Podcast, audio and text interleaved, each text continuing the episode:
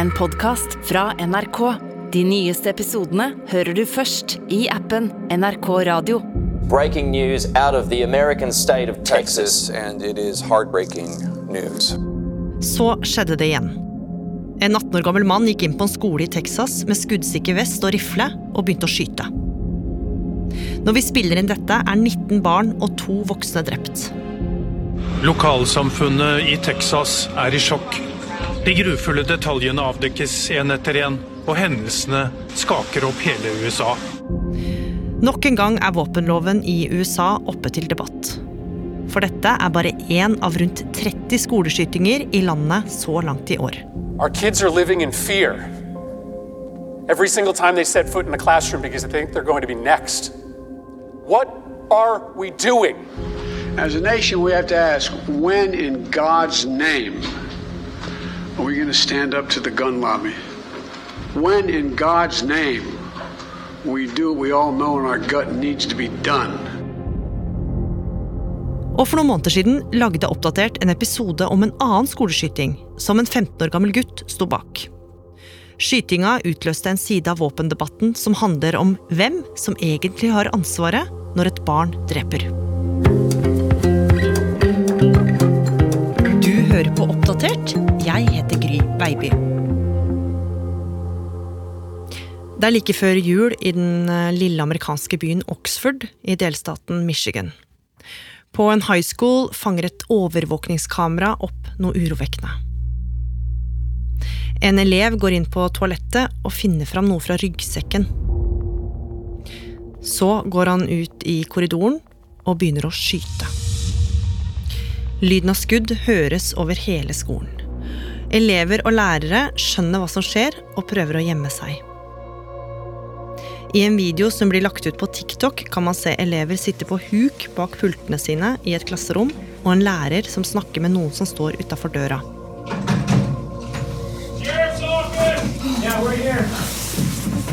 Personen utafor døra sier det er politiet, men de frykter det er skytteren som står utenfor.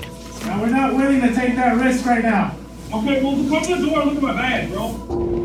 Og når mannen bruker et ord som er mest vanlig å bruke blant unge folk, så vokser frykten i rommet.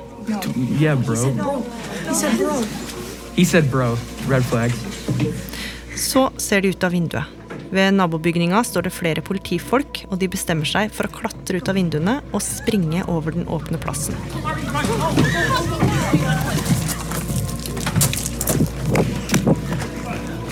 Slow down, you're fine. Og endelig er de i trygghet.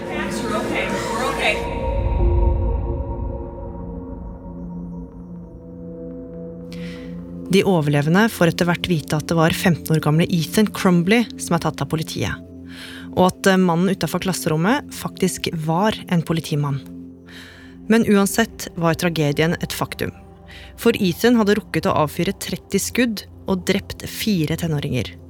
I tillegg ble seks andre elever og en lærer skadd. Og Isen ble tatt med til politiets arrest og sikta for drap. Men det som er uvanlig, er at nå sitter ikke bare Isen i arrest. Aktor har også valgt å sikte to andre personer for drapene på skolen. For hun mener det er flere som har ansvar.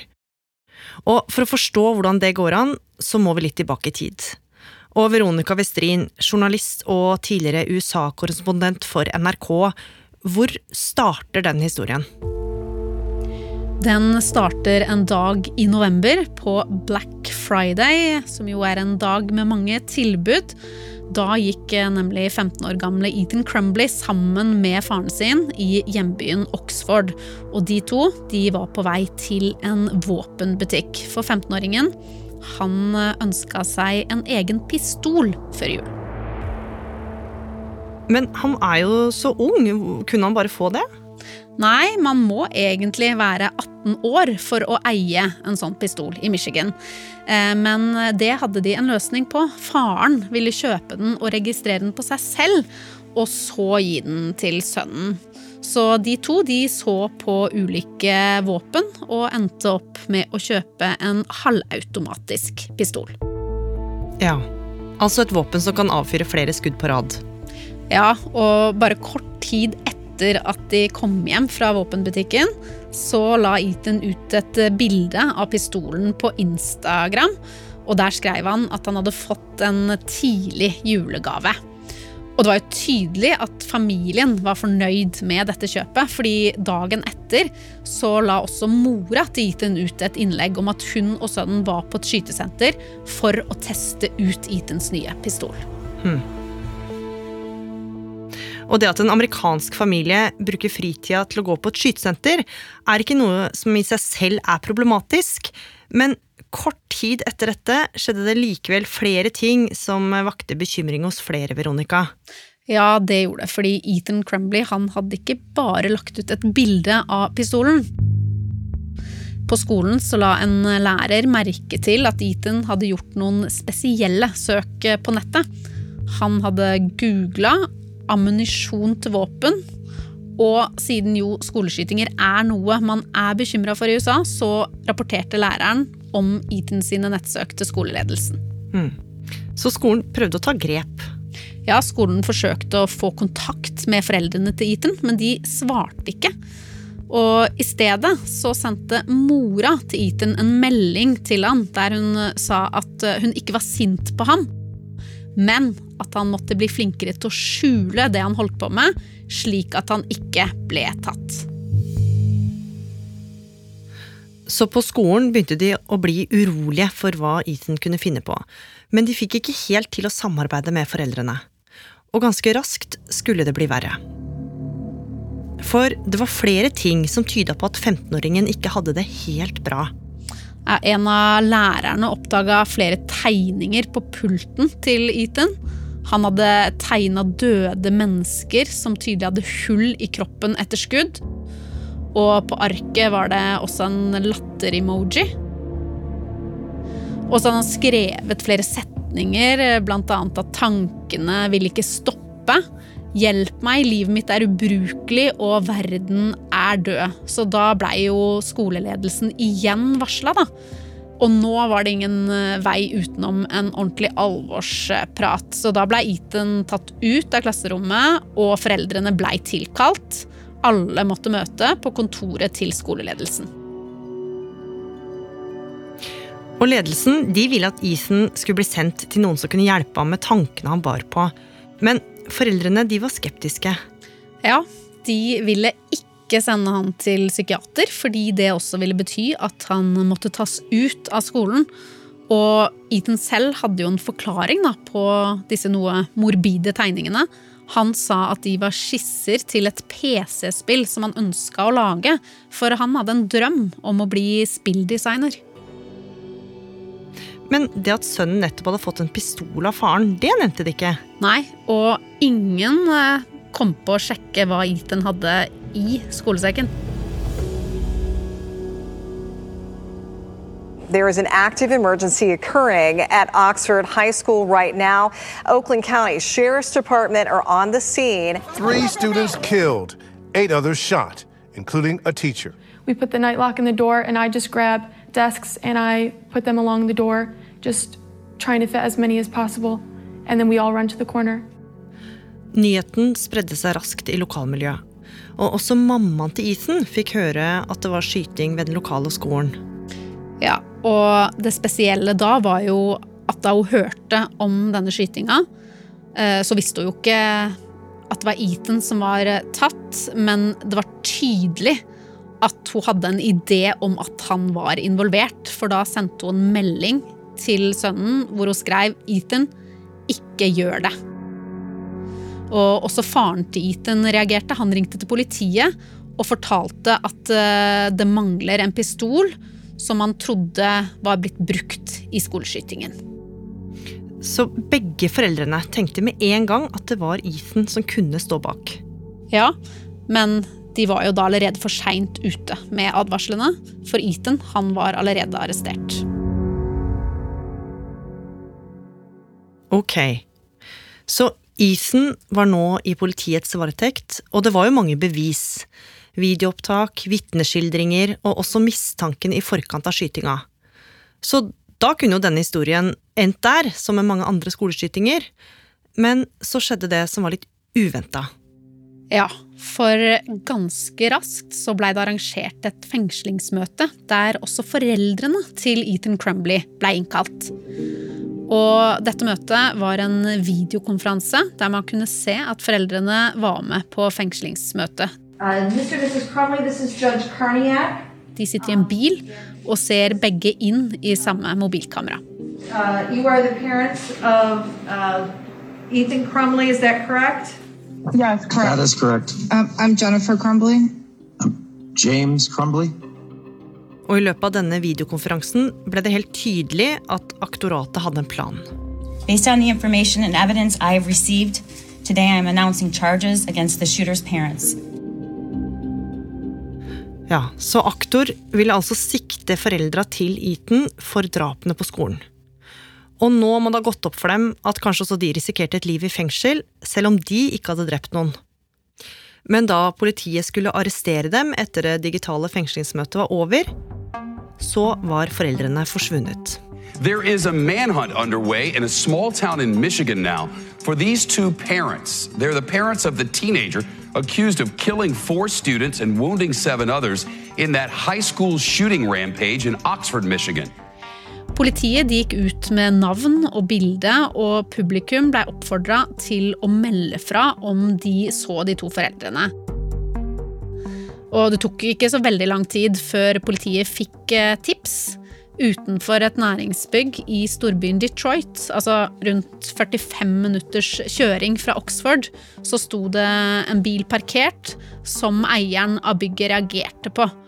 Og hun varsla politiet, og kort tid etter så kunne politiet kalle inn til en pressekonferanse. I can confirm for you this morning that we have taken into custody uh, James and Jennifer Crumbly. Og foreldrene til Ethan de eh, hadde en forklaring på hvorfor de hadde forsvunnet.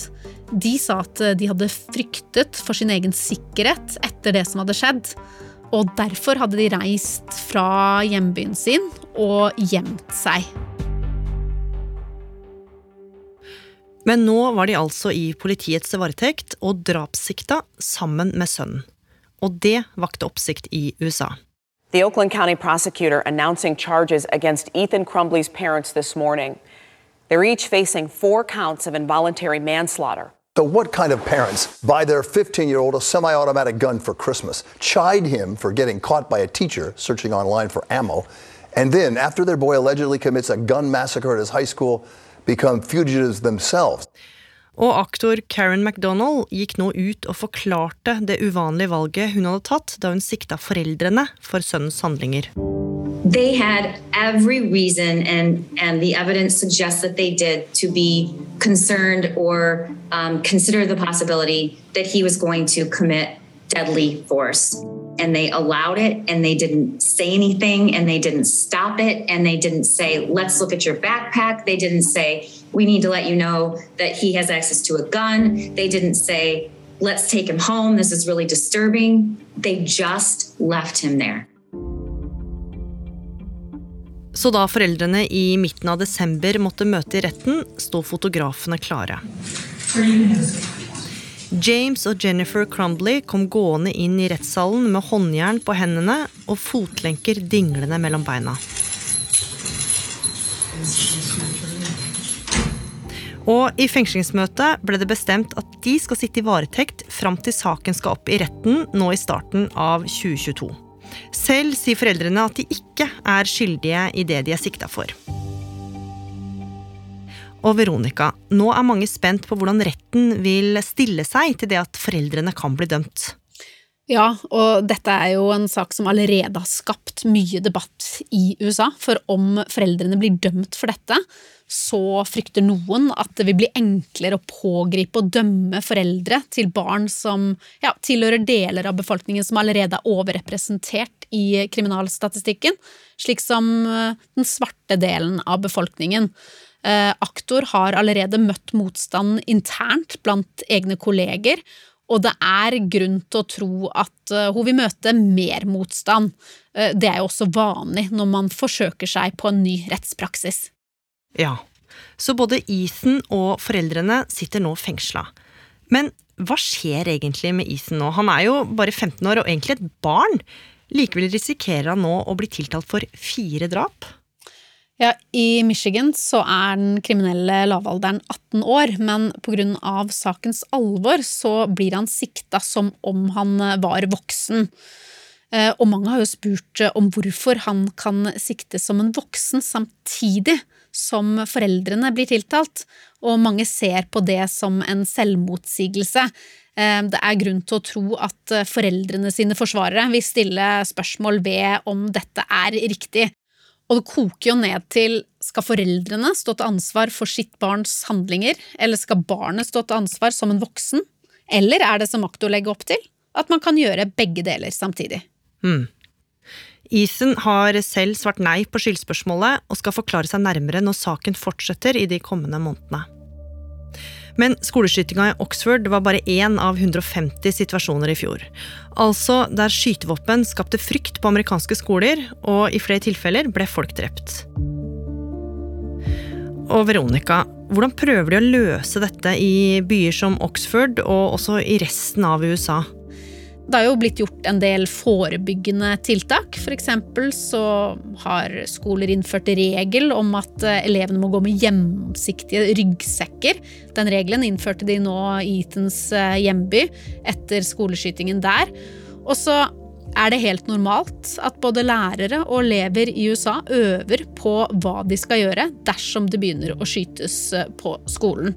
Eh, det er en sånn trening som også barna mine fikk da vi bodde i Washington DC. De var jo bare to og fem da vi flytta dit. Dattera mi fortalte at de gikk inn på et sånt lite kott eller et skap, hele klassen. Skrudde av lyset, satte seg ned, og han lille som da var to år, sa at de satt helt musestille og de hadde jo mareritt i flere uker etterpå, men trodde da at det var tyver. De øvde på tyver som kom og skulle ta dem. Åh, fy søren, man får jo vondt i magen av å høre det her. Men nå er altså alles øyne retta mot denne spesielle saken, med isen og foreldrene. Og noen håper kanskje at eh, saken kan føre til noe nytt. Og det har jo også vært aktors mål. Det aktor sier i denne saken, er at ja, det å eie våpen det er en rettighet i USA, men uh, hun mener da at uh, med den rettigheten så følger også et ansvar som våpeneier. Det kan jo f.eks. være at man må sikre det, låse det inn og ha kontroll på våpnene man eier. Uh, så aktor er ikke ute etter å ta bort retten til å eie et våpen, men kanskje kan denne saken føre til at våpensikkerhet blir tatt mer på alvor, og det vil jo igjen kanskje kunne føre til færre uhell uhell og skytinger.